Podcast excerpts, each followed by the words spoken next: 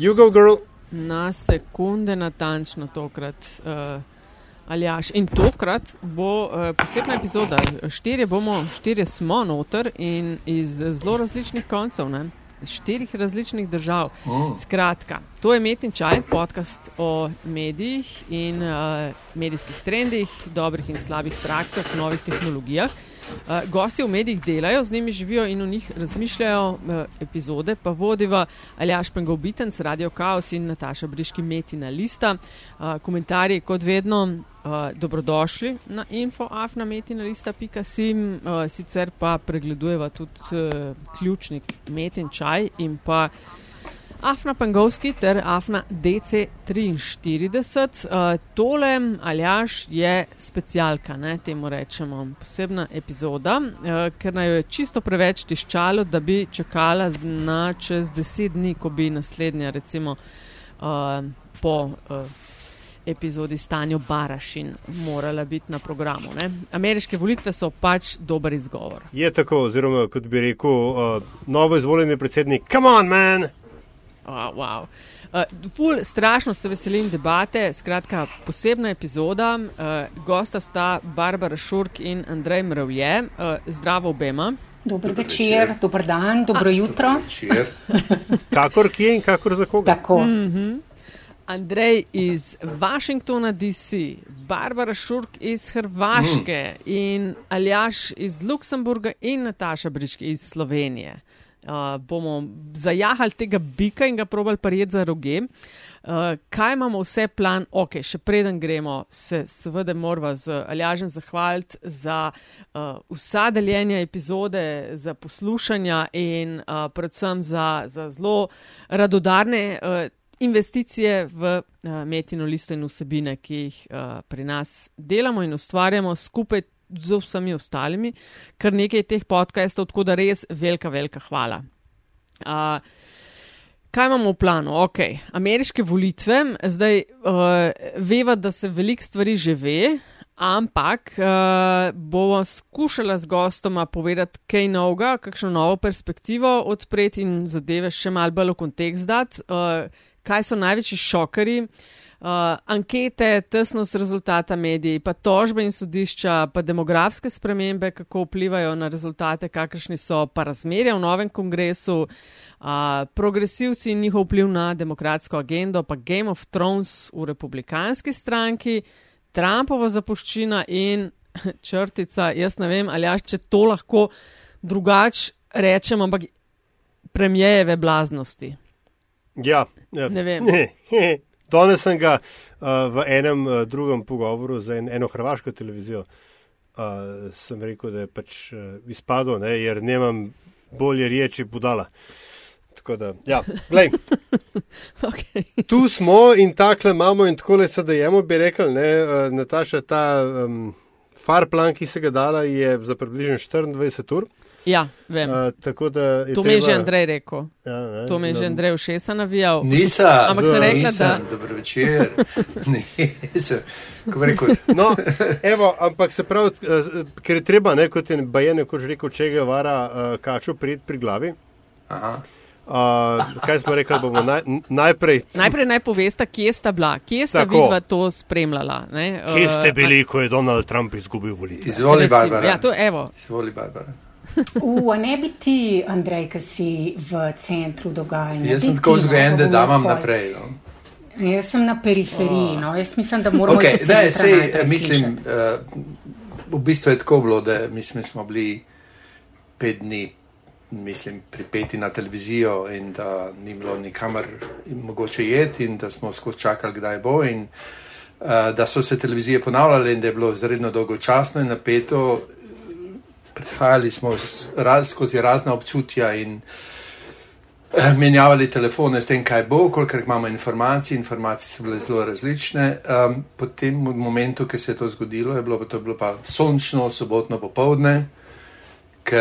Skratka, ampak mediji so tako napovedovali, da se bo to zgodilo ta isti dan. Ker večer predtem so rekli, mi imamo podatke noter, jutri zjutraj bomo upeljali v, v to, kar imamo, v, v banko podatkov, ki je obstoječa, in je bilo jasno, da sobota bo tisti dan.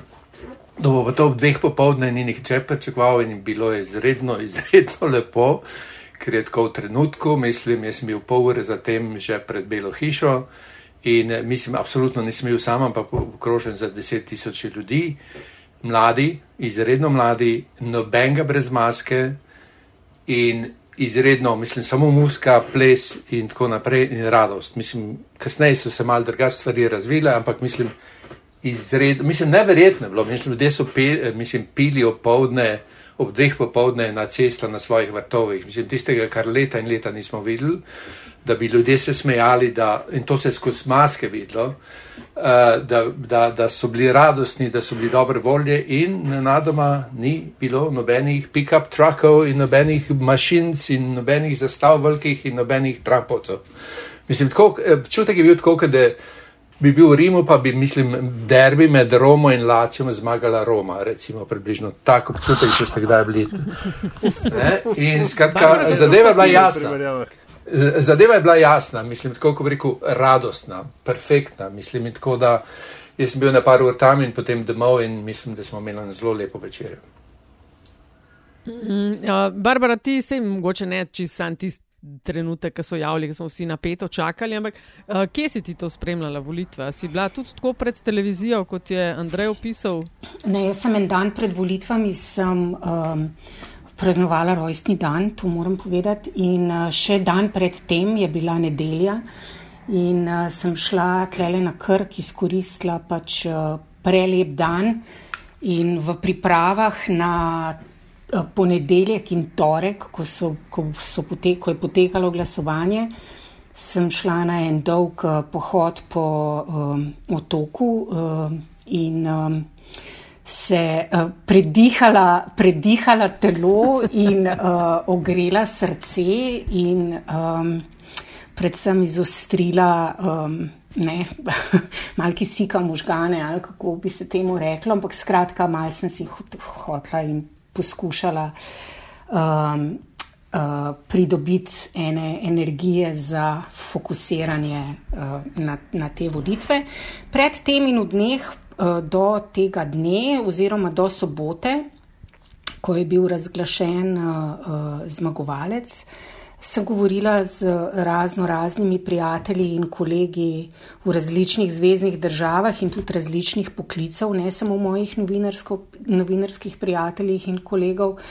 In um, tudi moram reči, da tudi različnih prepričanj, ne, ne samo uh, pač. Uh, tako, eh, kako bi rekla, navdušenih, navija, tako, navijači enih ali drugih, ampak eni bolj konzervativni kot drugi. Ampak glavna nit je bila pa pač, da, je, da si vsi želijo uh, predaha od tega sovražnega govora, rečemo tako, ne, da se vsako jutro pač zbudijo in um, pogledajo, kaj, kaj, kakšno, kakšne smeti so zdaj padle na, na njih. Ne. Eh, kdo je spet sovražnik eh, in tako naprej. Eh, no, poslušala sem pa v glavnem radio, ker televizijo zelo težko gledam, predvsem to kabelsko, ne, ker se mi je zdelo, pač, se mi je zdelo to zelo um, navijaško iz ene in z druge strani. In v bistvu so to, moram priznati, prve uh, ameriške volitve, da jih spremljam. Um, um, nekako ne, da bi, da bi res uh, delala na, na njih, ne, to se pravi poročala, uh, bila pod tem pritiskom, da je treba poročati o reakcijah. Ne. Uh, pre, vse prejšnje volitve sem spremljala od Bagdada do Saudske Arabije v Kajru, ne, v, v, med temi med arabskimi protesti arabske pomladi. Skratka, takrat potem, ko so američani širili Eh, demokracijo po Bližnjem vzhodu in tako naprej. Um, z vojaško silo. No, in, in to je bilo pač eh, je bilo zelo, eh, je bilo zelo zanimivo um, poslušati. Poslušala sem v glavnem BBC tisto noč po volilni, um, po, po, koncu, um, po koncu oddaje glasov in uh, ko so se volišča zaprla po Ameriki. Eh, potem se je pa zgodila ena zelo nesrečna zadeva, ker sem imela slušalke čez noč In sem tudi poslušala, potem sem malo zaspala, zbudil me je pa tisti uh, govor uh, predsednika Trumpa.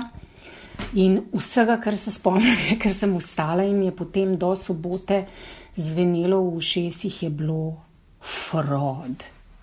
Ne.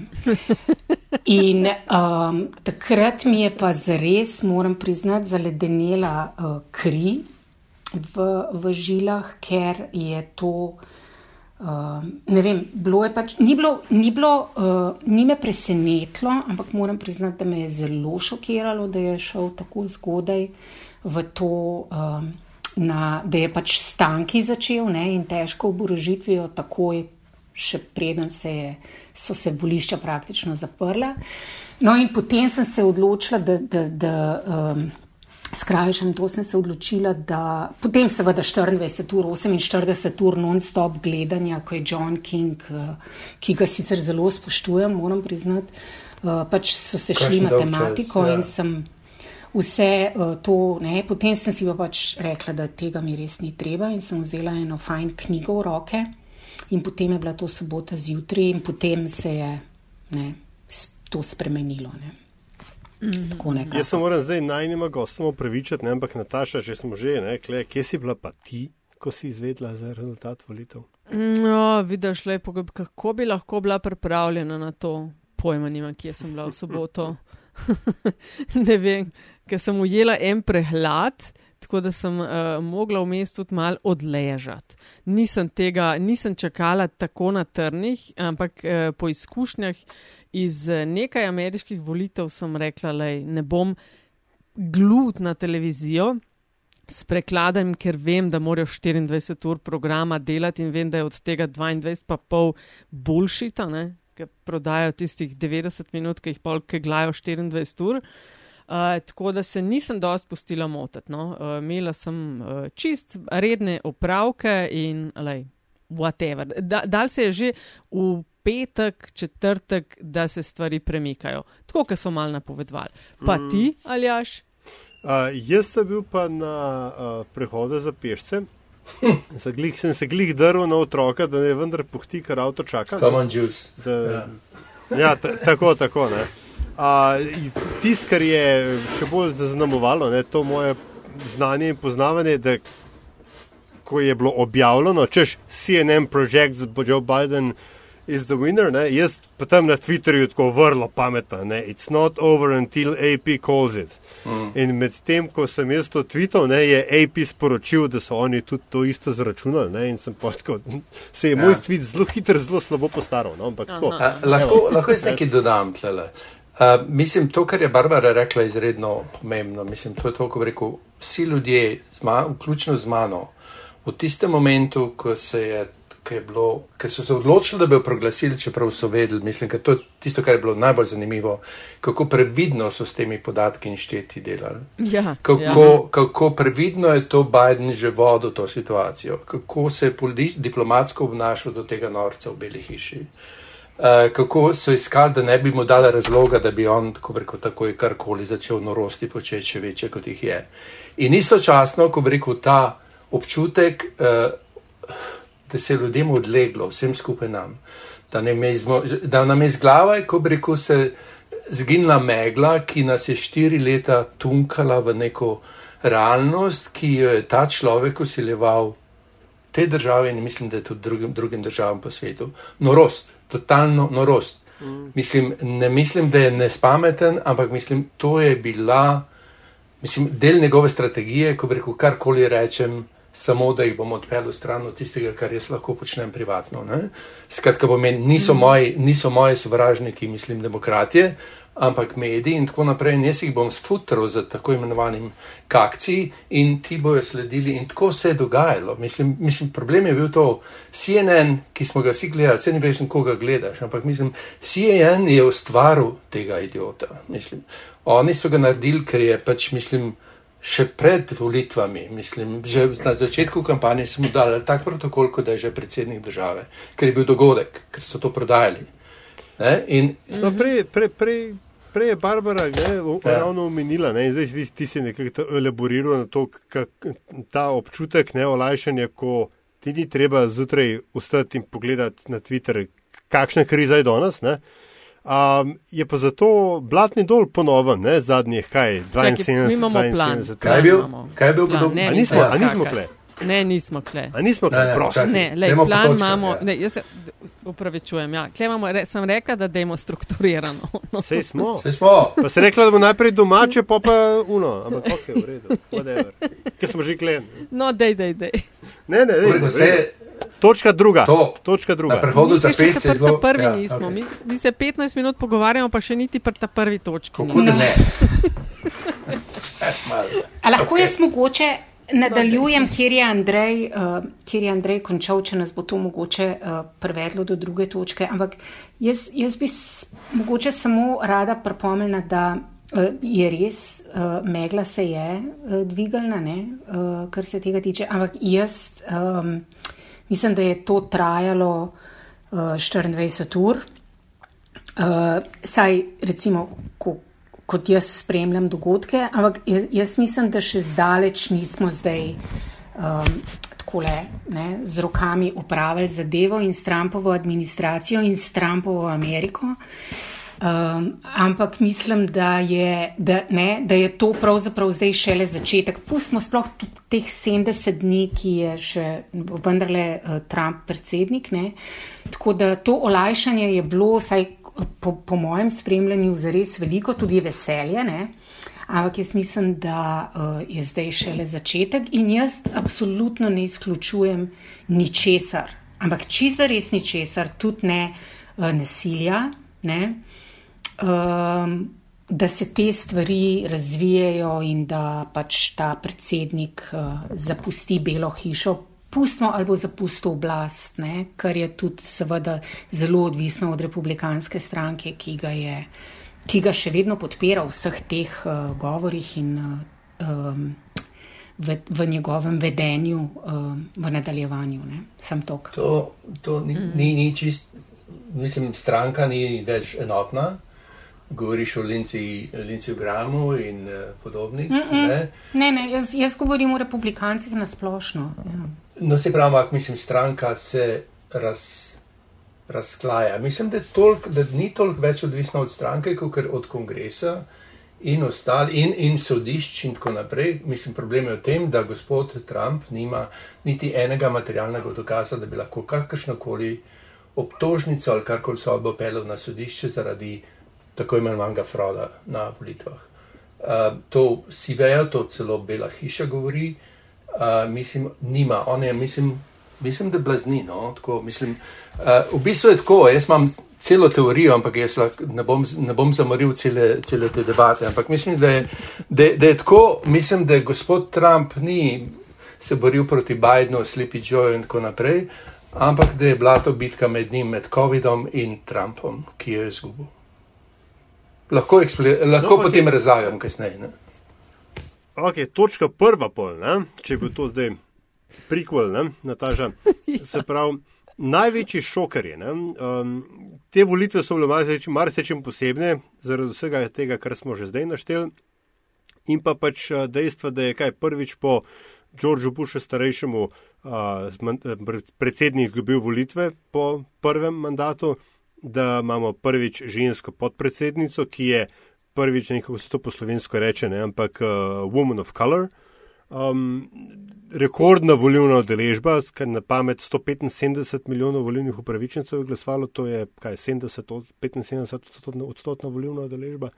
Um, 175, okrog 160 govorijo, da bo. 105, uh, ja, sorry, moja napaka, sveda, 105, 160. Tako. 10 milijonov bo prednosti za Bidna, mislim, to je, to je tudi ogromno. Ne? No, mislim, v- vse to ne, in vendar je, je uh, politično gledano, ne, je pa rezultat na nek način tesen, sploh če ga gledamo v tem smislu, da je sicer Biden zmagal z veliko prednostjo, ampak se ta prednost nekako, zdi se, ni prenesla na senat, na razne te down ballot races, ne, se pravi v znotraj mm. samih zvezdnih držav, kjer so demokrati tudi hoteli uh, prevzeti lokalne te uh, legislature, ne, zato da bi lahko spremenjali volilno okrožje in tako dalje in tako dalje. Kaj vaju je presenetilo v tem smislu, da nista pričakvala, da se bo, da se bo tako obrnil v rezultatu teh volitev? da je v tej Barbara to gre. Um, mene presenetilo v bistvu ni veliko. No? Um, se pravi, šokiral me je ta, me je ta Trumpov, um, ta Trumpov uh, um, um, napad. Ne? Da je pač zares tako uh, emocionalno in na nož odreagiral takoj, potem je pa zelo, zelo, in to me še do danes, ne, uh, Um, me tudi uh, šokira ta um, tišina republikancev. In prej, Andrej, omenil, pa bom, pa bom v parih stavkih razložila, kaj mislim. Um, jaz mislim, da republikanska stranka ni, uh, ni razdeljena. Jaz mislim, da, je, da so to za republikance bile zelo uspešne uh, volitve. Dobro, za senat bomo zvedeli uh, januarja, ne, ker je še un ranov, uh, to se pravi ta drugi krok eh, v Džordžiji. Uh, in si demokrati zelo prizadevajo, da bi šlo tudi to v njihovo smer, ampak glede na to, da so tudi v spodnjem domu izgubili uh, nekaj sedežev uh, uh, demokrati, to, um, so bile to uspešne volitve. Ne, ne pozabimo, da je za, ja, za Bidna je glasovalo vem, največ američanov v zgodovini um, republike, ne, uh, drugi je pa Trump. Ne. Trump je, um, uh, mislim, da je dobil ogromno glasov, ne, uh, na, na prot, prot, to se pravi, 2016 ni bila nesreča, ne, kot smo že prej govorili. Skratka, ni jaz mislim. Smislu, ja. Ne, absolutno ni bila anomalija. Ne, ne, ne, ne. In, uh, in z, uh, demokrati so uh, potrebovali kar nekaj let, ne, da so do tega prišli, da ni bila anomalija. Ne. Ne, um, skratka, tem, ja.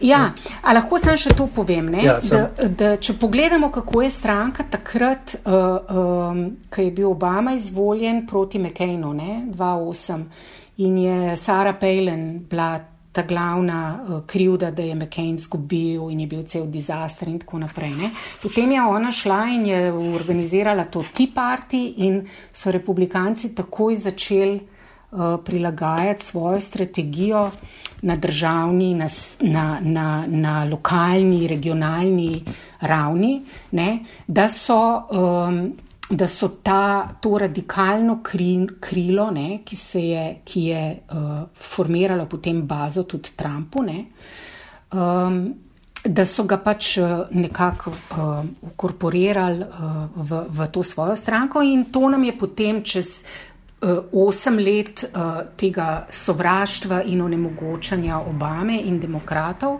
ne, dalo potem to republikansko stranko, ki je popolnoma podprla in še vedno podpira Trumpa, ne, ker Trump je uspešen republikanski predsednik. To moramo okay, reči, vsaj jaz tako mislim. Lahko dodam?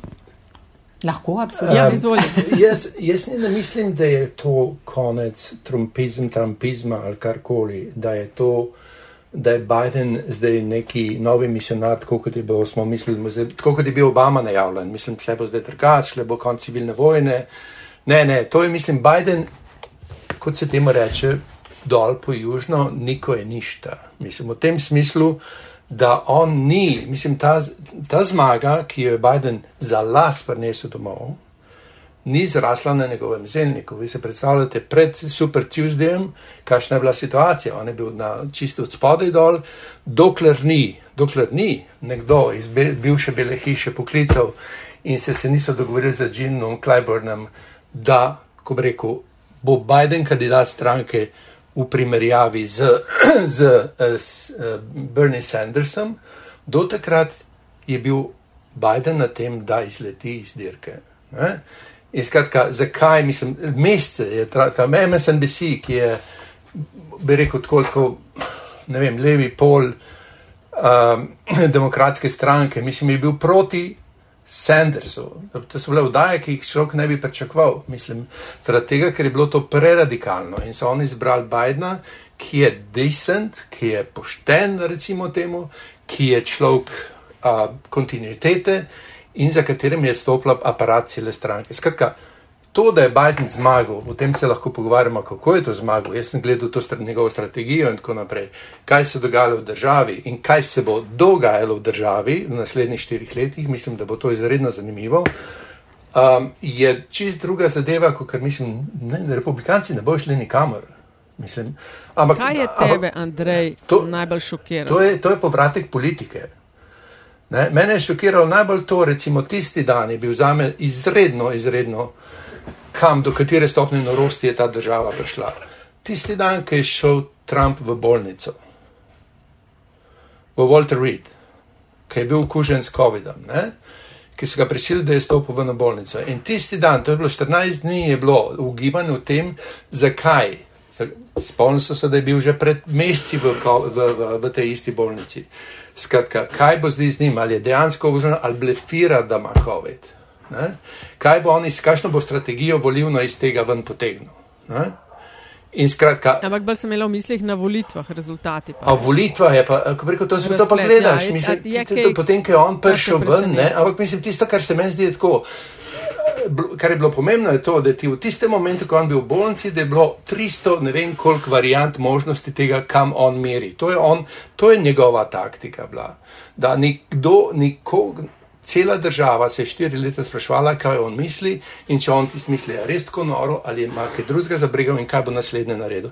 To je ta norost in nepredvidljivost nekega režima, ki je pravzaprav strahovala celemu svetu in američanom isto. In tega, tega smo se osvobodili. Kaj se je bilo pa med volitvami? Je bilo pa najhujše to, da si gledal in da si rekel, hej, tiste no, mase na letališčih, to je impresivno. Po drugi strani je bil Biden, ki je hodil z masko okoli in je samo tarno o depresivnih eh, podatkih, koliko je ljudi okuženih, koliko je umrlih in tako naprej. To je bilo tako se rekel, ne za mene, ampak gledaš za voljivce, kaj je tisto zdaj, kar lahko privlači. In to je bil Trumpov moment. In hvala Bogu, se drugače obrnilo. Jaz mislim, da bo šlo dol. Mene je bilo zelo strah, da bo takrat, mislim, da bo prevladal. In kad vidite po rezultatih, so rezultati zelo, zelo tesni ponekod. Čak ti si me valjaš, ne? tukaj malo vprašanj na, na tesnost uh, rezultata. Ne? Ja, no, tukaj, ja, tukaj smo pol do, um, zaprav, aj bil rezultat res tako tesen v končni fazi, ne? ker 10 milijonov glasov razlike je vendarle veliko, ampak kot je rekla Barbara, drugi, predsed, se pravi predsednik z drugim največjim številom, absolutnim številom glasov, ever je pač Donald Trump 2020. Ja. Um, uh, hkrati glasove še čakamo in iščemo. In se mi zdi, eh, ne vem, tako, nisem seveda anketar, ne? poznamo od Nataša nekaj anketarjev, ki bodo znali o tem, mhm. tudi kaj več, več povedati, ampak meni se zdi, da ankete niso tako zelo falile, ne? da pač te rezultate in ta nihanja, ki so bila, so bila vendarle znotraj statistične napake. Tist, kar je mene presenetil, mečken in tudi mečken zasekiral, je bila Florida. Je Flo bi videla, recimo, tudi Florida. Ne sem Florida, ampak tudi ankete v Florida. Je, ti si imel to razdelitev, mislim, Hispaniki in Latinosi so zelo pomembni pri teh volitvah, tako kot so vse ostale manjšine. Ne? In skratka, tisto, kar se je na Floridi zgodilo, je bilo razcepljenost teh Latinosov med Portorikance in Kubance. Tako kot je vedo povedati, da Latinosi v Ameriki niso eni, niso eno enotno homogeno mm -hmm. telo, ampak je 37, so venezuelci, so nikaragvani in tako naprej. In so, če ti pogledaš, recimo uh, v Arizoni, skratka, volitev, mislim, Latine so iz Arizone, je dones, pridonesla zmagi v Arizoni, poleg tega, da je pač Trump, a veš, žalo McCaina in tako naprej in tega ne počneš. Mislim, to, te ti ljudje to razumejo in so volili masovno proti njemu skupaj z njegovo vdovo od McCaina. Ne? Skratka, če ti proglašaš, da McCain ni nacionalni heroj, medtem ko to očitno je bil za američane, mislim pač lahko ni za me, za te ali za, za kogar drugega, ampak za američane je McCain heroj in je bil v Vietnamu in mislim, ti ne greš niti na njegov pogreb, ti ga blatiš, ti praviš, da ne bi nikoli, skratka, McCain ne bi se sedel dal jet, ampak mislim, bi bilo boš, če bi se žrtoval življenje, ne? potem bi bil heroj naroda. Mislim, to so norosti, to so norosti, ki se jih Trump vošil in tle, mislim, Florida, tako kot so izgubili, bi jo lahko dobili. Ampak mislim, problem je tem, da ti ne moreš Rubija In še par teh ljudi, ki so tako, kot mislim, mafijski bosi držijo to zadevo v Floridi, mislim, tega, mislim, Biden ni imel aparata, ki bi lahko to zrušil. Barbara, kaj pa ti misliš?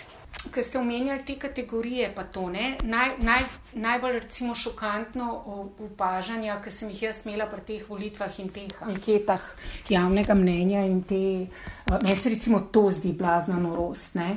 da so latinosi, pa potem ženske, pa potem ženske, ki živijo v predmestih, pa potem ženske, ki so izobražene, pa potem črnci, ki so izobraženi, ali afroameričani, ne? da smo politiko, politično korektni ali kako. Skratka, to je, um, uh, to, to se zdi meni absolutno nemogoče kategoriziranje ljudi, ne, um, ki sem ga jaz pač vedno na, na lastni koži uh, obsud, uh, občutila, ko so recimo, zdaj razumem, ne, uh, uh, uh, zakaj so uredniki vedno, ja, recimo v Iraku, kako so pa šiiti volili, kako so pa suniti volili, kako, pa, kako so pa v velikih mestih volili. Mislim, skratka, to. Um, Jaz se takrat, pač, ko sem se pogovarjala s temi ljudmi, ne, da so sami povedali, zakaj volijo tako in zakaj si želijo, vem, da pride Saddam nazaj in tako naprej. Ne. In to je bilo američanom nemogoče razložiti, da se tako ne da pogovarjati z voljivci. Um, in pač zdaj smo videli, ne, da, da to ne, jasno delajo tudi v, v, v njihovih kampanjah v teh pri njihovih volitvah ne? in so se zaradi tega tudi zelo ušteli.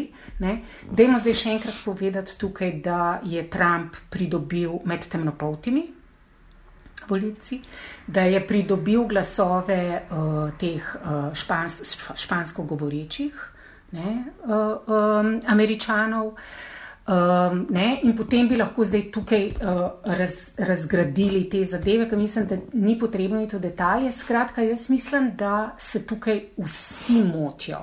Ne.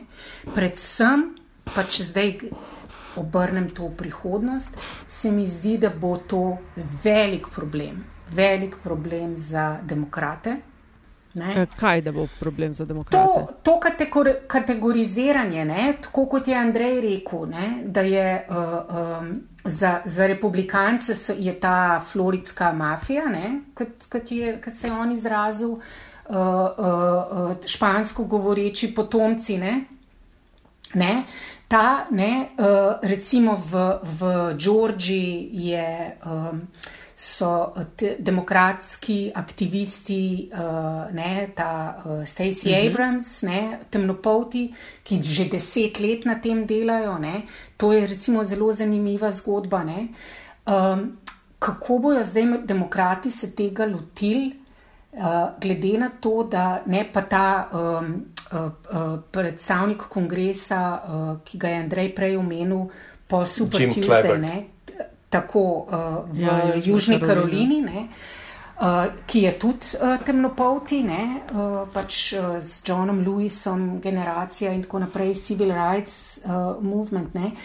To bo zdaj zelo problematično za njih, ker bojo to nekako morali tem skupnostim, ki so ranljive, to nekako povrniti in se res res lotiti njihovih interesov in njihovih težav, in da ne govorimo. Ne?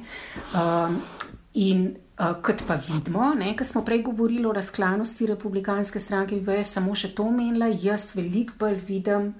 Probleme pri demokratih, ki se že zdaj znašajo nad temi progresivnimi, oziroma um, kaj so temi liberalnimi uh, um, predstavniki in predstavnicami v kongresu, um, čež da ne, ne, ne omenjajo socializma, ne, ne delajo, ne, ne bojo radikalni, ne nehajo s tem, da jim to škodi in tako naprej, ne glede na to, da um, uh, um, so, ne, da ne nekako.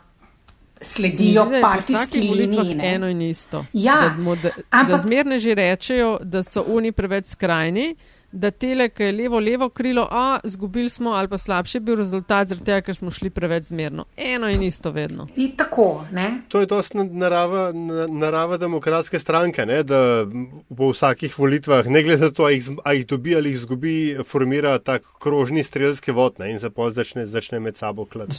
To, to, a, to vsaki stranki, ne? ampak uh, jaz, eh, jaz sem vam presenečen, jaz sem optimist. Um, in sem optimist zaradi tega, ker mislim, da je Amerika zdaj, recimo Jim Clyburn, če še s njim obrnem enkrat. Jim Clyburn bi od Johna, Joe Bidena zahteval, da, da izbere Kam, Kamila Harris za podpredsednico. In je, in je Joe Biden prvič rekel, hm, ne, Kamila bo izredno dober podpredsednik in je, mislim, ko bi rekel, mogoče most, most, mislim, med ja, radikalno in drugo. No, skratka, Ampak problem je tem, jaz se strinjam z vsemi, Barbara, tako je. Mislim, republikanci bi, če bi ne imel Biden to glasov, so jih tokrat imeli več in bi Trump premočno zmagal, če bi na sprotni strani njemu še ena Hillary Clinton bila. Pa, pa če ne bi bilo COVID-a. To pa absolutno. Mislim, če bi brez COVID-a, bi Trump zmagal landslide. Tako. Totalno. Tako. O tem, dajmo se zmeniti. Skratka, če ne bi bilo epidemije, bi Trump zmagal, mislim, absolutno bi bil uh, izvoljen za nove, ponovno izvoljen za predsednika. Sploh ni dvoma o tem. Skratka, Amerika ostaja tista, kar je bila, razkrse, ampak preko ravno tisto, kar smo pregovorili, te manjšine, ta razdrobljenost, te preko, uh, kot se tem uh, skupine pritiska in tako naprej. To je tisti melting pot, ki ga jaz hočem videti zdaj v Ameriki, ki ga ni bilo Skratka, Amerika je rasistična država, temu se reče sistematsko, moderno se temu reče sistematski rasizem in tako naprej. Ampak mislim, da je končno nemogoče, ravno to, kar Barbara ti upazaš, deliti na kategorije voljivcev. Skratka, Biden v Floridi ni mogel imeti ene strategije za, za Kubance in druge za, za, za Portoričane. Ne gre to več, ker ne zmoreš. Ja, pa še samo še to sem hotela reči, ne, se strinjam absolutno s tabo, Andrej, ne, da je. A jaz mislim, ne ti praviš, da si optimist, jaz mislim, da, to, um, da je treba še nekaj povedati, ne? še en generacijski premik je. Uh, jaz mislim, da ne smemo pozabiti, da je bil COVID, potem so bile pa še Black Lives Matter, ne?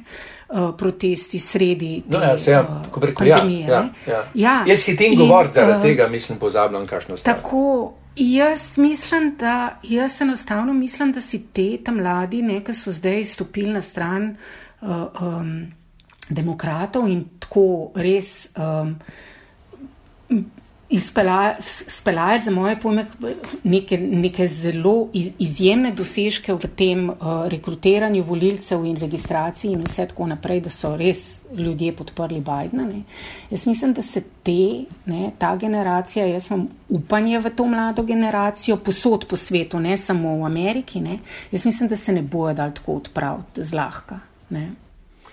Uh, Joe Biden je znan kot človek, ki je v svoji 30-letni senatni karieri sklepal kompromise. To so mu v bistvu ja. tudi zelo veliko ponašali v tej ja. prvi prim, primary campaign, čež da je vedno najdel dobro besedo tudi za rasistične in segregacijske senatore in tako dalje. Uh -huh. uh, demokrati v najboljšem primeru dobijo razdeljen senat, kjer bo Kamala Harris odločilni glas, ampak verjetno zato je mehna. Se pravi, obstaja velika možnost, da imajo republikanci ohranijo senat. Imáš pa še rano ofe, ne?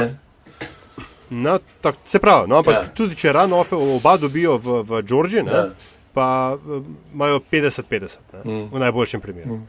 Um, ironično, ne, da, je, da bo Sleepy Joe, človek, ki je bil um, potem kandidat demokratskega establishmenta, ki je potem pokoril vse ostale, ne, te proti kandidate in, tako, in, in jih discipliniral, uh, ki je bil komada izvoljen, kot smo rav, ravno kar uh, ugotovili uh, nek, v nekaterih državah. A se zna ironično, pač ironično zgoditi to, da je bo on boljši predsednik, kot bi lahko bil ne vem, nekdo, ki bi imel bolj popularen mandat, bodi si bil to ali, vem, ali Donald Trump ali pa z demokratske strani, kaj vem, Bernie Sanders, Elizabeth Warren, kakorkoli. Da bo on znal uh, sklepati kompromise, uh, ki bojo šli preko te politične delitve, across the aisle, kot temu rečejo američani. Jaz bi rekel, da um, Joe Biden ni človek za vse sezone, ampak tale zdaj je njegova. Eh? In to v smislu ravno tega, ker jaz mislim, da je možno, da bo Joe Biden v določenem razmeru ustavil neko koalicijo, ki bo, ko bi rekel, ne samo strankarska usmerjena.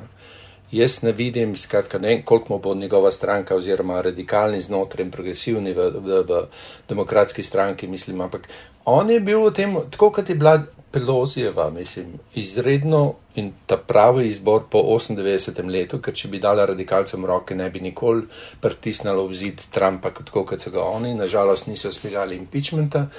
Ampak, mislim, to, kar se zdaj dogaja, mislim, Trump, mislim, Biden je človek, ki zna, ko bi rekel, to zadevo mirno speljati naprej. Da se on pogaja, da se on lahko pogovarja z Mitchem McConnellom, je znano, da, da, da, da ni vizionar, da ni, ko bi rekel, radikalc, da ni, ni jakobinc, je tudi znano. Mislim, zdaj, ko bi rekel, to je mogoče ta čas tranzicije, ki, ki mer biti, mislim.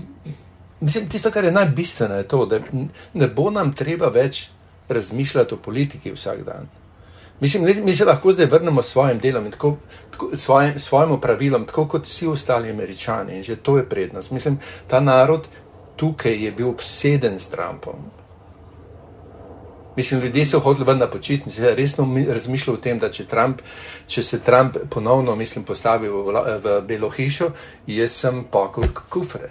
Mislim, to, ni, to ne bi bilo mogoče izdržati do konca, še naslednje štiri leta. To je norija, blatle. Ne?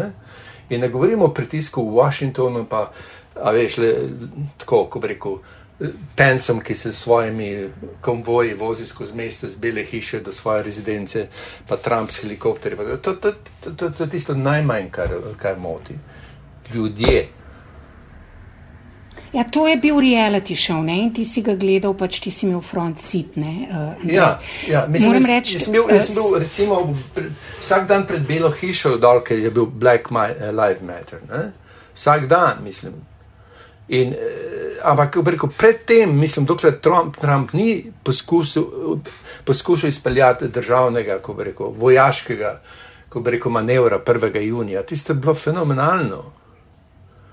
Do takrat, Barbara, mislim, kaj si hotela ja, reči, 1. ja? junij je bil tista, tista fotografija pred cerkvijo. In, Jaz sem hotela reči, da, pač, ja, da, da je zelo lepo, da je um, ne, res, res uh, Andrej je res optimist. Ne.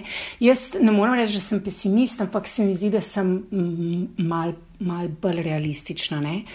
Um, jaz mislim, da um, je bil ta govor, ki ga je imel Biden, zelo lep. Ne, da je rekel, da bo predsednik vseh in vse ta prave stvari, je rekel, seveda, ker so jih vsi, cel svet jih je hotel slišati. Ne. Mislim, da so se v Bruslu oziroma v prestolnicah, v vseh mogočih lockdownih, so se politiki kar topili od, od, uh, od uh, miline, ki je prihajala tam iz unga Wilmingtona, ne iz unga parkirišča. Um, ampak jaz res ne vidim. Um, Da bi, si, da bi si padla uh, tudi v zasebno in z maskami McConnell in Biden uh, v ozadju tega političnega dogajanja v, v objem in bi začela delati tako, kot da smo re, leta 86. Ne, ne, Barbara, nisi rekel, ampak nisem ti si rekel. Ne, ti si rekel, da bo sodelovanje. Ne? Jaz, mislim, bo, go- bo razgo, ko bi rekel, ljudje se v politiki se pogovarjajo. Politika je umetnost možnega. Ne?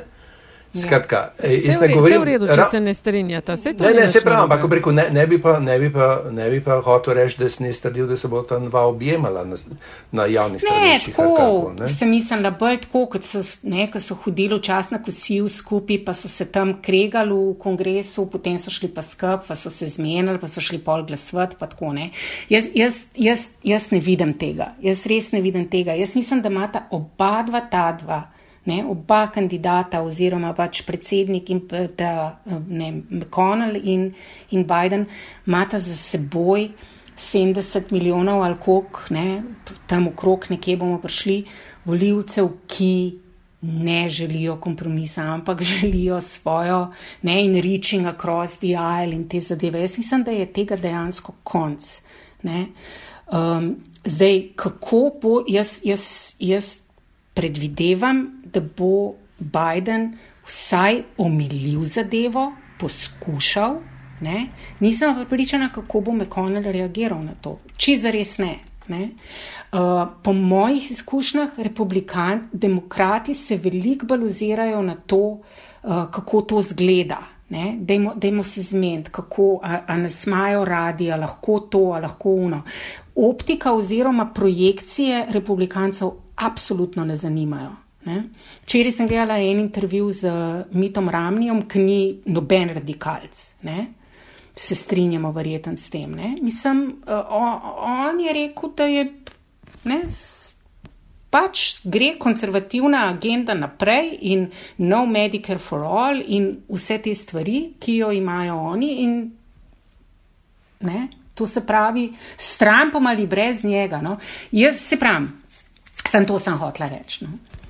Lej, mislim, prva zadeva, ki je bistvena, je to, da, da mislim, test te nove rekel, garniture in tako naprej je COVID mi je vedel, kako se bo na ta način spravil, mislim, kako se bo tega lotil in tisto, kar je rekel, najbolj žal to državo, tudi tega, tega, da je on ženski žal na začetku, da je imel prvi dan po inauguraciji 1918, mislim, več ljudi na cestah, kot je za inauguracijo, to govorim o Trumpu. In vse to žalitve in tako naprej, je, ko preko tega je konc. De, de, decentno se vrača v politiko, politika se vrača v, v, v prostore In kako bo je ta COVID izpeljalo, tega je izredno odvisno, kako bo ekonomija zagnala, kako bo vse ostalo naprej potekalo. Mislim, da je ni nobenega optimizma v tem smislu, da bi bil Biden zdaj odrešitelj nacije ali karkoli. Ne, Biden bo, ko bi rekel. A veš, mislim, je pač šel, ki bo uh, šel po pokoj in, in ne vem, kako bojo potem volitve naprej. Ampak mislim, upanje v tem smislu. Jaz tudi nisem optimist, kar se tiče tam mladih. Mislim, ker tam mladi imajo zelo močne instinkte za preživetje. In skratka, mislim, vsi ti tam mladi, ki so bili za Sandersa in tako naprej, so ga oni potunkali zaradi tega, ker ga niso šli voliti na primarje. Oni so bili na zborih in tako naprej, ampak noben pa ni od teh tam mladih Sandersa mu dal toliko glasov, da bi lahko on lahko recimo pred štirimi leti ali karkoli naprej potegnil ali pa tokrat. Skratka, lej, realistično gledano se mi zdi, da je neka situacija uh, spostavljena, ki, v kateri je spet mogoče recimo politično razmišljati. Ne mislim, da je zdaj, da pozabimo to, kar se dogaja. Ravno to ne.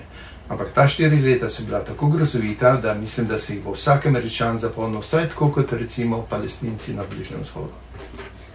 Barbara, veš kaj še povej? Um, ti si delala leta 2000, uh, si bila v Združenih državah, ko je bila tiste famozne volitve in Bush Al Gore. Eh, nismo sicer neč o tožbah sodiščih, to zdaj Trump uh, pospešeno s tem, čeprav brez kakršnih koli dokazov, sam zgomilo enih dezinformacij. A vidiš ti kakšne podobnosti, ok, eh, ne toliko, ne vem, no povej, kakšne misli imaš no, ob tem. Uh, ja, recimo, to je zdaj, to je zdaj ja, sem, sem razmišljala veliko o tem. Um, Um, takrat, ne, če, se, če se spomnim nazaj, pred 20 leti je bilo to nekaj neverjetnega. Ne? Um, kako so se poglabljali v tiste, v tiste uh, um, glasovnice in mašine na Floridi, oziroma samo v enem tem mehkem okrožju, in trikrat štel, če se ne motim, in tako naprej. Um, ampak če zdaj tako nostalgično razmišljam nazaj po teh štirih letih, ki, ki jih uh, Andrej vse čas omenja, kako so bila dejansko traumatična za mnoge. Uh, je seveda tako, kot je bilo na začetku, če se spomnite, ki je, je bilo, ne, joj, ki bi saj imeli uh, buša tam mladega, ne, že spet on je bil pa res tok ja. in artikuliran, ne, in uh, je znal povedati in je postavil se na, ne, na pravo mesto in spregovoril takrat, ko je bilo potrebno in tako naprej. Ne. On je bil pa res, he was a real leader. Ne. Uh, no, tako nekako sem jaz gledala nazaj uh, na, na, tist, na tisto norost, ki je bila tam. Uh, moram pa povedati, da to nič od tega, kar bom zdaj povedala, ni zraslo na mojem zelniku, ampak sem, ko sem omenila tisto noč, uh, ko so bile volitve, oziroma jutro, ko se je začelo to, ta, uh, to kričanje Trumpa o tem, da mu so mu ukradili. Um, uh, volitve, ja. ne, je imel BBC krasnega gosta in sicer je bil en odvetnik uh, od um, republikanske kampanje, ki je takrat na sodišču zagovarjal to te dva sta bila pravzaprav za republikansko stranko, bil na sodišču za to, za, za Busha, ne, je pač bil je za njih, njih je predstavljal v tej tožbi ne, proti, proti demokratom in proti Goru. Ne. In on je zelo lepo povedal. Ne. Eh, spet je potem se je, sem se zamislila nad tem, kako je bil pred 20 leti svet krasno urejen. Ne. Ampak on je povedal skratka zelo na kratko tole. Ne. To je bilo um, samo v eni skupnosti, ne, v eni župniji, če lahko temu tako rečem. Ne. Um, res je bil problem z mašinami. Ne, tiste volilne mašine so neki in zmedle volilce in ne vem kaj še vse. In um, niso ugova, so imeli resni ugovor, ki ga je sodišče tudi sprejelo. Ne. Res je šlo za mehko število glasov in štel so jih večkrat, trikrat in tako naprej, enkrat na mašino in tako, ne, drugič na roke, potem še enkrat na roke, druga skupina. Skratka, in potem je on rekel, in to je bilo to. Ne, uh, Potem je pač ta, ki se je enkrat eh, zagnala ta sodna uh, procesna mašinerija, je bilo potrebno to obleči naprej in potem so bile nesigurnosti, pa še gorje že poklical Buša in mu je čestitev, potem je rekel, ne, daj mi nazaj, zdaj bomo šli mi res na sodišče. Ne? Tako da je bila bolj ta drama okrog, okrog tega. Ne? Ampak kar se Kar zadeva sodne ugovore, ne, je rekel uh, ta odvetnik in potem se je tudi tisti njegov kolega republikanec strinjal, da je to popolna norost, kar Trump napoveduje. Ne. Da ne vidi nobene možnosti in da se bo večina zvezdnih sodišč v vseh teh državah, ki jih je on našteval, vključno tudi z, njego, z njegovo napovedjo, da bojo šli kar direktno na vrhovno sodišče, ne, da se pač tega ne bojo niti z dolgo palco um, tega dotaknili. No, tako nekako so bili moji vtisi. Trump, Trump je v bistvu že pred uh, volitvami ne, nekako um, dal jasno vedeti, da je to del njegove volivne taktike. Ne. Se pravi, najprej uh, uh, hiter dobi nekaj glasov, zato ker se je domnevalo, da ljudje, ki bojo glasovali osebno, bodo podprli, so republikanci, bodo podprli njega. Potem bomo zahteva, potem bomo rekli faul in potem bomo šli na sodišče. Ne. In to je nekako preveč, veš, mehanicistično je vse skupaj, se mi eh, zdi mogoče uh, vendarle delovati. Uh, ampak uh, vezano na to, kar je, kar je Barbara prej rekla, ne, mene je moja gospa za en teden kampanje prosila, da smo doma tudi Fox News Radio poslušali. Ne. Jaz sem pri tem sicer organsko trpel, ampak uh, po volitvah se je pojavil en zelo zanimiv nov ton v pri, uh, pravi, klicateljih v program, ki so rekli, dejte za božjo voljo že mir. In, in veš, ja. se mi zdi, da mogoče vendarle obstaja tukaj neko polje zmirnih, uh, dovolj imamo vsega skupaj republikancev, mi bi šli radi pač about our own daily lives. Da, da ta naveličenost ni bila samo pač na eni strani. Ne? Uh, je mogoče to čas, da se mi približamo tej isti točki o medijih in tako naprej? ja, ja, sej ne, ker, ker, ker smo pri medijih. Veš, ena stvar, ki sem jo jaz, jaz sem si en ugasnil v torek po noč na točki, ko so prišli začeli prihajati rezultati in je bilo West Virginia too close to call. Veš, oprost, ja, West Virginia ni bila too close to call, leta 2019 bi lahko mm. povedal kakšen bo rezultat v Zahodni Virginiji. Mm. In veš, to, kar je Nataša na začetku rekla, 24 ur programa, 22 ur pa pol boljši.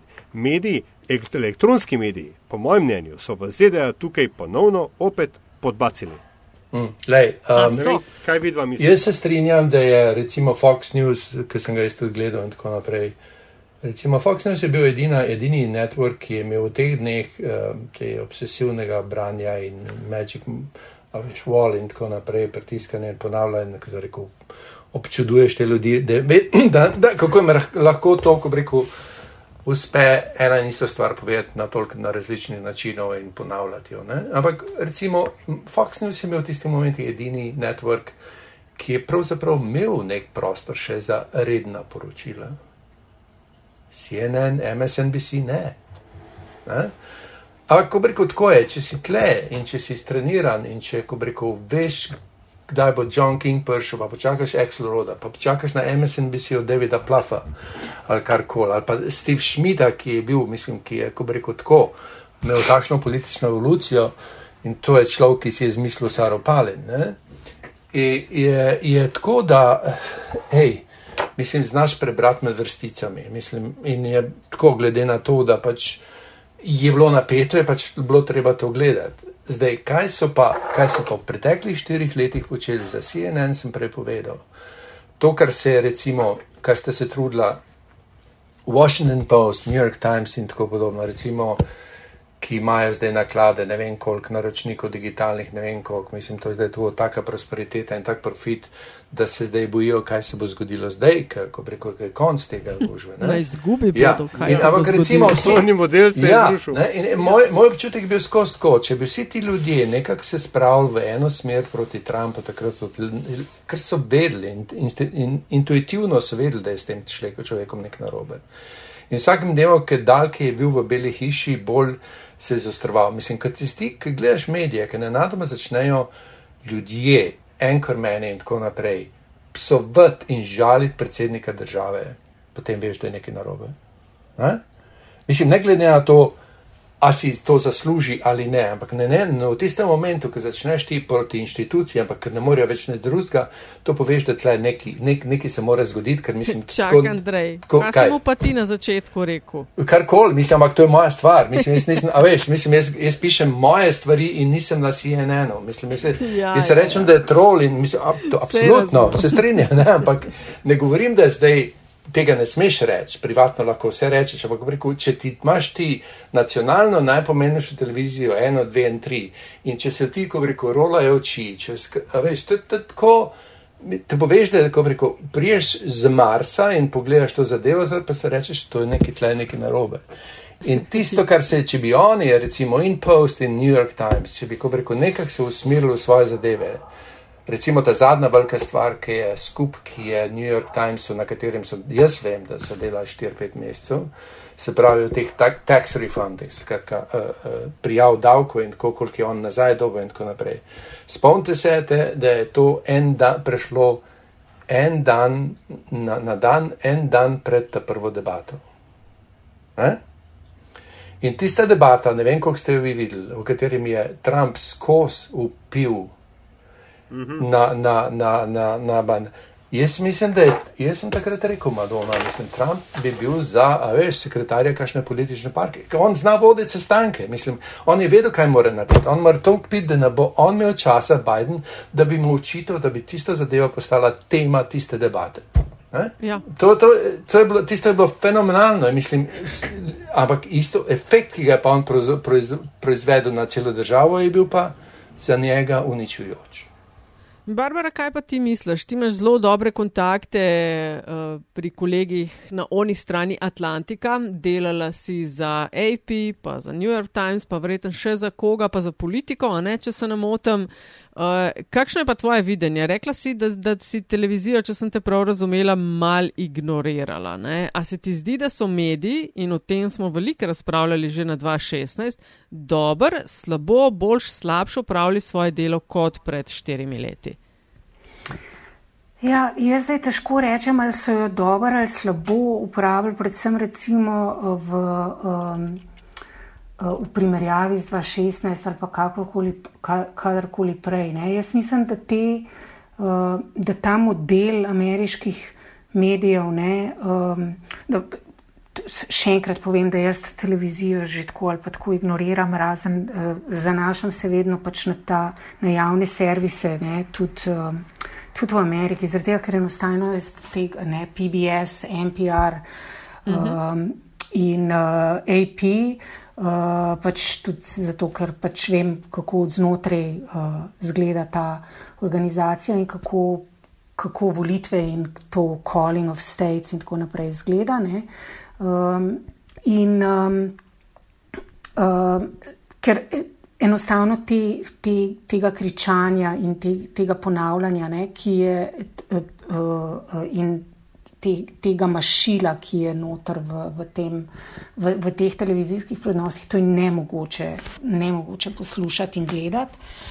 Um, in jaz lahko samo rečem, da um, je bil glavni problem tega, je, da, so, da je. Da je um, tekmovanje oziroma ta konkurenčnost, ta uh, pohlep po uh, breaking news in skupaj ne vem kaj še vse, se mi zdi, da je zelo zamegljiv um, uh, public service, ki ga pač mediji naj bi vendarle uh, upravljali. Ne? S tem ne govorim, da, je, da niso te čez časopisi od Washington Posta do, do, do New York Timesa in mnogi lokalni, ne, ne, ne smemo pozabiti, v Pensilvaniji recimo so bili, so lokalni mediji zelo lepo in, in izčrpno poročali um, o, o svoji zvezdni državi in svojim bralcem in volilcem in tako naprej v tudi v nemogočih pogojih, ne? ker je bilo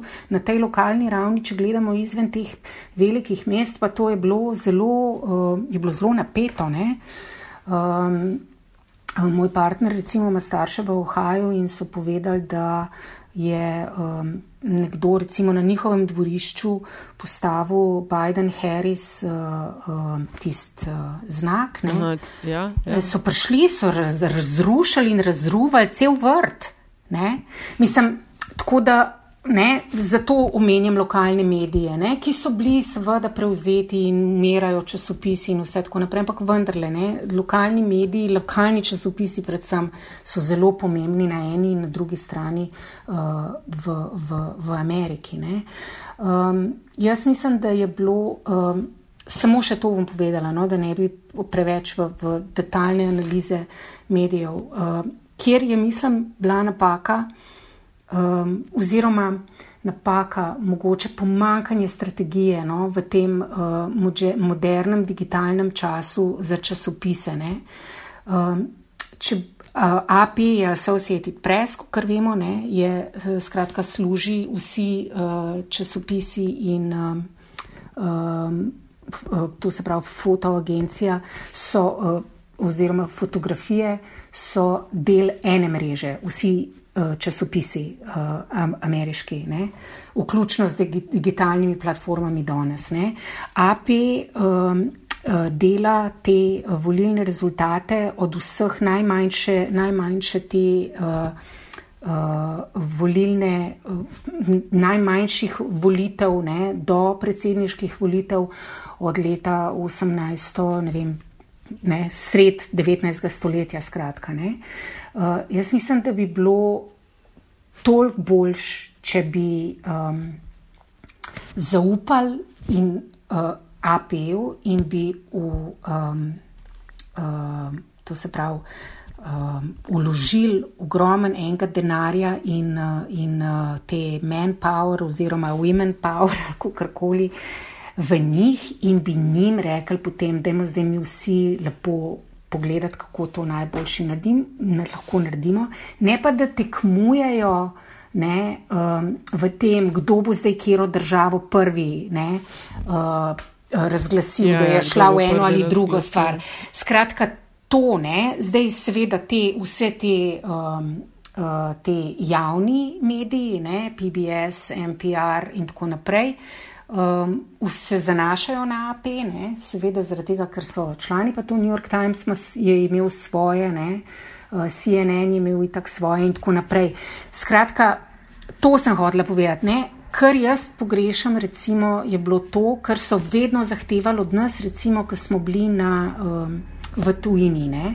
In je bilo, ja, volilni rezultati, številke, ankete, levo in desno. Ne? Potem je bil pa vedno nekdo, ki je mogel pa takoj ne, priskrbeti kontekst. In jaz sem ta kontekst recimo zelo pogrešala na ameriških medijih, sem ga pa dobila na BBC, odkud, kot sem prej povedala. Mislim, da, jaz upam, da sem bila jasna, no, kaj, uh, kaj sem jaz pogrešala. Glej, mislim, ker si ravno to omenila. Slučajno sem imel tik preden smo se začeli pogovarjati odprt eno kolumno na tem odličnem websajtu Columbia Journalism Review. Ja, ta je res odličen. Uh, ta je, ta je fenomenalen. Kyle Pope je recimo napisal, ne, da so se letos, da, da, sicer, da ga fascinira, kako se po lekciji 2016 mediji še vedno niso nečesar naučili. Pardon. Skratka, in je uh, tako na hitro rekel, da so se uh, mediji, sploh nacionalni mediji, ne, preveč uh, zanašali na ankete, ki so jih preslabo razumeli, in da so se novinari, namesto da bi se pogovarjali z voljivci, pogovarjali na Twitterju med sabo. Tako. A, a je to ko, bistvo tega, po tvoje? Mene sprašuješ? Ja, meni se zdi, da ja. Jaz sem pogrešala ta, spet recimo govorim o mojih urednikih, ne. Uh, uh, what do they say on the street? Ne? Ja, kaj pa v Ameriki pravijo na ulici? Ne? Pa smo šli, mi smo se vedno smejali, no, pa sta šla, ne? še komi so volišča zaprli, pa gremo na Vox Pop. Ne, a veš. Uh, pa vprašati, ne? pa potem tisti posnetki, ki jih potem vidiš, kako vsi arabci, ki volijo, pa potem berejo časopise, ki so že prav pozerali, razumeš? Tisti, a bojo prišle televizijske kamere, da imajo zdaj malo tle časopise, brat, ki jih nihče ne bere tako na cesti. Ne? Ampak skratka, ja, te uh, komentatorji na CNN-u in kjerkoli pač so se, so se pogovarjali tam. Uh, o vsem tem v soboto, ker, ker so že premetavali že cel teden ne, eh, med sabo ne, v ta njihov eko-chamber. No.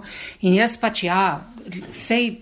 Recimo, danes pač New York Times ima na, na podkastu z volilci in so to lepo predstavili, in vsi govorijo, in tako naprej, ampak to zelo pogrešamo. Kaj si mislijo na ameriških ulicah? Lej, govorili smo o medijih in to seveda nas uh, pripelje, večkrat smo ga že omenili, do premijeja Janša. Ne? Vajno mnenje teh uh, serije tweetov že pred volitvami v podporo Donaldu Trumpu na tako rekoč noč volitev po prvem polčasu že veselje nad. Uh, takrat še niti približno kakšno zmago, kakšnega govora o zmagi Trumpa uh, in to, kar se nadaljuje. Ne? Ni konc teh njegovih eskapad na Twitterju in teh blaznosti, da ne uporabim še kakšne močnejše besede. Um, a spremljata to, sta to ujela ali je šlo mimo vaju, Barbara? Ne, ni šlo mimo, seveda. Ni. Ne. Jaz imam samo en stavek pri tej zadevi. A je kdo Janši povedal, da sta stranpo na popolnoma eh, polarnih pozicijah? Mislim, skratka, Janša izrablja COVID za, za svoj teror in za svojo, kako rekel, dviganje avtoritarnosti, medtem, ker je Trump, kako rekel, bil COVID-ov prijatelj. Eh? Mislim, skratka, zanikal obstoj uh, uh, korona, koronavirusa in, ko rekel, z golim telesom se borijo proti. A, a, a je to jasno, kaj hoče povedati? Skratka, tle, ja, ni... en, en je za maske, en pa proti. Ja, mislim, če mi rečeš, da je rekel, en, eni misli, da je COVID problem, drugi, da je največji problem iz, iz tega stališča, ko bi rekel, utemeljuje svojo dviganje avtoritarnosti v Sloveniji, zapira meje, občine uh -huh. in mhm. tako naprej. Medtem, ko bi rekel Trump, prav, to COVID ni nič, ne? Odprimo šole, odprimo fabrike, gremo nazaj v crkve in tako naprej in tle imaš 230 tavžen mrtvih. Ne?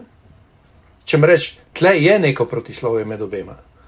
Ali je to, ali je to Janša opazil, ali se to sam meni čudno zdi? Eni so opazili, da kaj bi bilo, kakšen masakr bi bil, če ti, ki so zdaj na oblasti, ampak tukaj imam izključno v mislih uh, eno stranko in predsednika vlade, kakšen masakr bi bil, če ne bi bili zdaj v vladi. Ne? Ker njihovi, v narekovaju, so tisti, ki govorijo, da mask ni treba nositi v grobem, v grobem pomenu, če si sposoben to, kar dela uh, v Združenih državah uh, njegov idol Trump. Barbara, ti kaj misliš o teh uh, premijejevih ja. dnevih Podvigi. pred in po volitvami? Dnevih ja. na Twitterju. uh, meni je žal, da um, premije ne. Um, ne udejanja tistega, kar je, mislim, da pred kratkim na Twitterju napisal. No, pa, by the way, Twitter je tudi še en, um, en medij, ki ga probam zelo uh, using sparingly in cautiously. Um, ampak seveda ne uide. Ne. Uh, predvsem Aljaš, ker tebe sem pač tvoj zasledovalec ne, in potem ti pač preberem. Pro, ne, da, ne, ne, ne, sej se zabavam, ne, mislim, tako je, je fajn, ker potem saj ne zamudim ne, stvari. No, ampak sem, sem da povem, da um, je napisal, da je Amerika uh, prijateljica Slovenije ima zelo bližne odnose, ne glede na to, katera stranka je bila, um, katera administracija, ne, ali je bila rdeča ali je bila modra. Ne. To je zdaj pred, pred kratkim napisal, po, po tem, ko je pač uh, razglasil, um, ne, ko je šel v boj s Trumpom na sodiščih.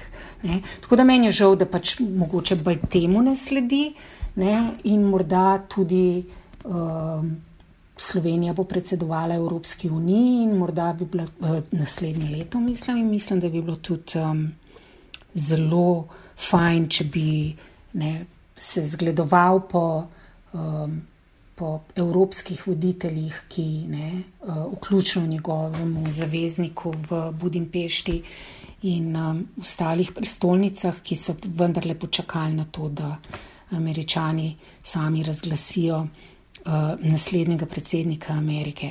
Za konec tega segmenta bi pa jaz z veseljem rada citirala Roberta Boterja, ki mislim, da je zelo lepo povedal v intervjuju nedavnem na RTV Slovenija, ki je rekel, da je imel uh, premijer Janša, takrat Janez Janša, samo izjemno dobro priložnost, da postane slovenski Vaclav Havel in se je nažalost na odločil, da bo Viktor Orban. A je, a je, ampak tle, to, kar se je, tisto, tis, kar je fenomenalno, ne, v najslabšem možnem pomenu te besede, pri tem Janševem meltdownu, ki se je razvlekel čez nekaj dni na Twitterju, je, da je to bilo opaženo zunaj meja Slovenije. Prvič po zelo dolgem času, veš, da se na Janševe tviste niso odzivale samo mednarodne novinarske ali pa ne vem, neke cehovske organizacije, tako ali drugače, ampak da je politika ali pa diplomacija, ne, da je to zaznala in na to reagirala. A je možno, mislim, kolikšna je ta povajna cena, kolikšna je ta škoda v mednarodnih odnosih slovenskih in a je to možno popraviti? Jaz mislim, da ni velike škode, mislim, čistko, nažalost. Um, skratka, to so stvari, ki se zgodijo, to so stvari, ko reko, ki z odhodom osebe z politične scene prenehajo, to so stvari, ki ne ostajajo zlasti do, ko reko, do dežele, ki je pravzaprav, a veš, mislim, ki nima neke blazne vojaške, ekonomske in politične teže, mislim, ki je čist popolnoma prijazna država in lepa država. In skratka, mislim, da se to jemlje kot, uh, ne vem, jaz zdaj postajam zenovski ali kar, ampak jaz mislim, da je, uh, je prav, da se to doma uporablja proti Janši, mislim, ker to je urodje. Uh, drugače pa čistko med nami, pa ne povedati naprej, ne, mislim, pa kaj pol. Misliš pa kaj pol? Pa kaj pol, če Janša neki tam blazni tam. Neki. Je pa tako, ne, če bi to rekel kot predsednik Evrope, mislim, kot predsedstvo Evrope, pa to druga zadeva. Pa, pa... Ja, jaz, mislim, da, da, jaz pa mislim, da ima to težo. Jaz mislim, da smo mi mal pre, um, uh, ne vem, občasno tako mal pre, ne, ja, mehni, neoplivni. Mislim, Slovenija je članica Evropske unije, ne, zdaj v katerem polju smo, ne, če gledamo v Evropski uniji, ne, smo zdaj res višegrad, ne. Um, a, a, A tja zdaj sodimo? Ne? Uh, ne, ne, men, res... meni, meni vse je en zaradi tega. Jaz mislim, da bi moral ga oštro in to uporabiti proti njemu doma. Dvomim pa, da je objektivno, ko bi. Andrej, kaj delaš s to skuljem? Ne, ni skulje, to, moje, to so moje slušalke. Nervozen sem. Um, skratka, ne, uh, ne, mislim, tip mi gre na, na špule. Mislim v tem smislu, da, uh, lej, Barbara, Absolutno, ja, mislim, vsaka zadeva je pomembna na tem svetu. Mislim, če, takrat, ko, so, ko, rekel, ko smo se mi v Sloveniji ustanovili, pa so bile te prve novice, ki so v Italiji prihajale, ker sem jaz takrat živel, tem, da so bili tam pa v, v Sloveniji neki bordeli, pa tako naprej, pa ono, pa tretje. Meni ni bilo čist prijetno. Eh? Uh, in nikoli ti ni prijetno, ker ste tvoja država ni odlična, oziroma ne vodi in ni ni ko reko nekaj, kar bi lahko bila vzor. Ampak ko to Slovenija ima, recimo, za, da kaj tasga počne, ima pet minut v letu. Ne? Ja, ampak veš, ti si prej rekel, recimo, ne, da. da um, da uh, ne, evropska politika mora imeti skupno zunanjo politiko ja. in tako naprej. Ja. Jaz razmišljam o tem, kot da mene čist, jaz, jaz odkrito vem, meni imič absolutno ne zanima. Ne? Uh, pa to, da smo mi neka lepa državica in tako naprej. Ja, ne, tako, mene, ja. zanima, ne, mene zanima to, Mene ne, da ko gre, ko gre naš premijer, ne glede na to, iz katere stranke je, ko gre na konsultacije v. v um, v, v Bruselj in ne vem, kaj še vse, in ki pridejo k njemu, da ga ne vem, sp sprašujejo za, za nasvete, kot se je to prej dogajalo, recimo za Severno Makedonijo in tako naprej. Skratka, ima Slovenija eno težo, ne? če seveda si jo hoče vzeti. Ne? Oziroma, če, si, če reče, lejte, mi lahko pa to, pa to naredimo. Ne? Ampak, če se potem na, na eni taki ravni obnašaš, da, da, da citiraš neke medije, ki, a, a veš, to, to se mi zdi, no? da te zanese, da vodiš neko politiko na, na, na Twitterju, ki nima veze s, s, ne, ne z evropskimi vrednotami, ne s poziranjem, kaj naj bi evropska zunanja politika bila, mislim, je neprijetno. Ne? In tudi Ja, neko. Se strinjam, ampak te, tle smo, ko rekel, ampak tle smo na tej isti nevarnosti, da, ko rekel, tako za vsako zadevo, ki jo bo Janša, a veš, čivknil ali karkoli, mislim, bomo se ukvarjali, a je to prav ali to ni prav. Mislim, to ni prav. To je res, to je res. To In je mislim, res, tem, se tem zadevam ne moreš slediti. Mislim, problem je v tem, da mislim, odzune je na ta način, po mojem, tudi gleda, ker mislim, mi opazimo te stvari, ker nas motijo, ker smo občutljivi, ker, ker nam gre, ko bi rekel, ker nam ni všeč, ker imamo radi domovino. Ne vem, kaj bi se bi rekel, ampak uh, recimo, mislim, zanima me, kaj se s tem. Recimo temu, da je gospod predsednik vlade, mislim, da ima neke, ko bi rekel, labilne oziroma eh, in psihološke težave. Mislim, čas, čas je razmišljal me, melagomansko, kaj se, zdaj, kaj se mu je zgodilo, da se podredija, podredija nekemu urbanu na, na mačarskem. To, je, mislim, to me skrbi, ker nima idealov ta pravih. No? Ne vem. Ne, jaz, jaz Ja. ja. mislim, le, lej, se ne bomo zdaj predolgo ja. v tem. Ne? Ja, Ampak okej, recimo ja. je čivknil poleti, da Srebrenica ni bila genocid. Mislim, to je bilo. A ja, to to pa bilo viš, to pa nisem vedel. Pomembno To tako, dejanje. Ne? Ja, seveda. Ja, ja, Um, in uh, tudi odmevn, uh, odmevno v Evropski uniji, kot Mm. pravim. Ne? Skratka, te želimo si, ne? da ima premijer ne zato, ker smo patrioti ali pa nismo ali kakorkoli, ampak vendarle pravim, ne? da bi lahko po vseh teh mogočih sodbah in uh, mednarodnih sodišč. Ne?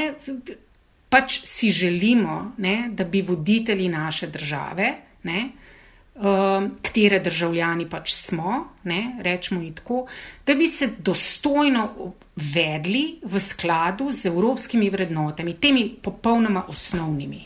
Ne. Dobro, Strinjam, zdaj zdaj pa iz- Ja. Ja. Ja. Sam, sam Ko- tole še. ko bi rekel, uh, Mene je recimo zelo prizadelo tisto, ko rekel to. Mislim, to Janš še nisem to slišal, ne? morbit pa je to že tudi rekel. Žiga Turk ne? je eh, nek, nek, nek intervju imel, sem to gledal in tako naprej.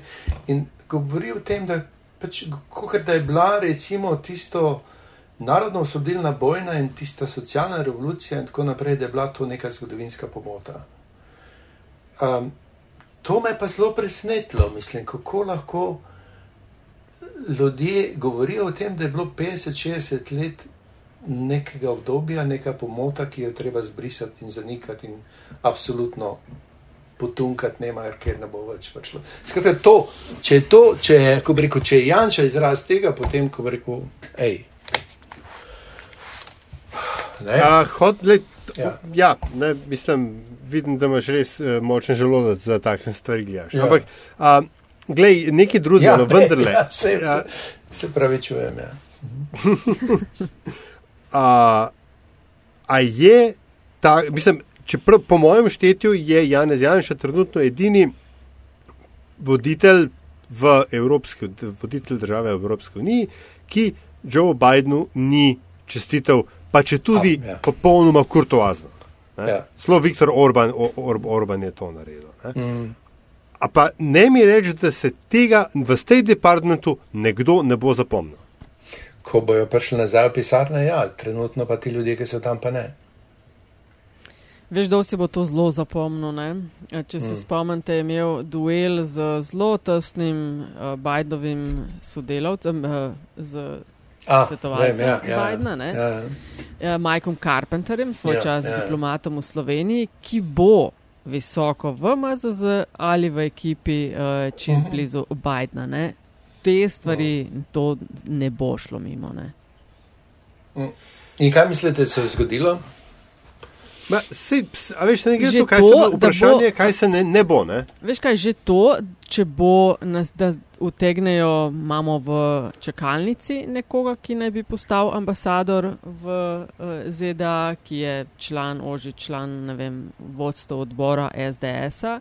Uh, če ga ne Se bodo govorilo za spravili gospoda do Kacina, januarja čez, Ja. se lahko zgodi, da bo na agreman, ki se sicer relativno hitro dobi, načakal. Ne? Ko bodo klicali v State Department, kakšne sestanke bi radi, se bodo načakali. Ne? Uh, vseh, vsem državam, ne vem, vreten je sta sam Kitajska, pa Rusija tisti, ki ne čakata, da dobita povabilo v Belo hišo ali pa pogovore z njimi. Ne? To se znamo tu še malo načakati. Pač je to, no, veš, da bomo zdaj, že- tako nismo blazno popularni, ker uh, zaradi tega ne, ne porabljena teh dveh odstotkov BDP-ja za obrambo, kot je ta zaveza za, za NATO. Pa, kot vem, uh, si američani blazno želijo biznisirati v Sloveniji, pa mi smo potem, kot vedno za, ne glede na oblast, pol pa se vedno tako neke strategije se sprejmajo, pa oni pa vsega skapnič. Zdaj pa še to, ne? tako da veš, pa, pa res pridemo bomo na zadnjem mestu v vrsti. Ne? Ko, bo, tako da se mi zdi, ne vem. Mogoče Mislim, nas bo od, odlikovati, odlikovati Janša za to ne moremo, ne? o tem se strinjamo verjetno. Uh, mislim, človeka treba spraviti domov, gotovo. Kaj bo delala Melči, Barbara? Be best. Ja, to Iniciativa, je res. Ja. to mene skrbi. Goodbye and be best. Um, to bo zelo zanimivo. A ja. Melči ima zdaj, Melči ima zdaj ta naslov. kaj? Ja, jaz uh, ne Več vem, ima, a bo, a bo hype, a, bo, a se bo ta, uh, jaz sem to vprašanje, ne? a se bo ta um, milna nadaljevanka, če se temu reče, ne? a bo season 2 divorce? Ja, seveda, ja. Aj, divorc je. Ne? Ja, ne Ja, vem, seveda, ne ja. vem. lej, Ja. Um, ne, Nekako se bo zdaj to mo mogel razplesti. Ne? Jaz ne vem, ali, boste mogoče ločeno živela, ker ona, mislim, da si želi v New York, medtem ko Trump pravi, da ne. ne? Tako da, Ja, on bi šel v Beli hiši. Pa na seveda, Florido. Ne, on bo šel na Florido. Ne? On bo, on Ja. tam. Veleposlaništvo tam. Ja. Ja, tako da. Ne, zdaj- ne, zakon, eh, ko rekel, z- po pogodbi je zakona z predsedovanjem Združenih držav konec. Kolikor jaz vem. Um, A, skratka, ja. A ti, a ti je. to inside neke information ali Kaj, si? na, ne, ne, ne, na levi, ne na levi. Ko rekel, bi rekel, pogodba je bila, ko rekel, na, pol podpi, na novo podpisana, potem, ko je ona prišla v Washington končno. In mislim, da vsi znaki govorijo o tem, da, da, da pač ta odnos, razen če ni. Ampak rekel- kaj se bo, kaj se bo ločila, Se- kaj bo pa delala? Kdo ji bo pa plačeval tiste menšne? Pa ta Ja, mislim, kam reči, da se bo ki je ločila brez denarja. ali Pa kaj, kaj ti misliš? da bo, Pa da bo, da bo je- šlo to pol na pol, ali kaj? Čakaj, Mislim, ni ona in Ne, ne, pa no. tako, najbolj, najbolj zabavno to se mi zdaj v Sloveniji, ker so rekli, kaj pa Melanija, pa tako naprej, pa so v Sloveniji mi vedno odgovarjali. Veš kaj, če se ločita, je super, bomo mi pol Amerike dobili. Ne? Ta se mi zdi primeru najboljši bo ona- tega, tega skozi, vsem američanom ga pravim tako. In, in tako je, še vedno uspešen. Lej, me, Mela, Melanija, Barba se tebi ne zdi tako ravno, ravno tako, ko bi rekel, grozovita kot, kot njen mož, Trump. Veš kaj, lepo te prosim, Prosim, če nehaš, ja. zdaj pa, zdaj pa že. Prosim, če nehaš. Zdaj, pa je? Zdaj se je pa vidi. Ne, čakaj. Le, Čak, ne ne ja. sme. Le, Melania je poslovna ženska. Ti misliš, da je treba se zaljubiti in ljubezen premaga vse? Ne. kaj? Ne. One dva imata pač mal drugačen odnos.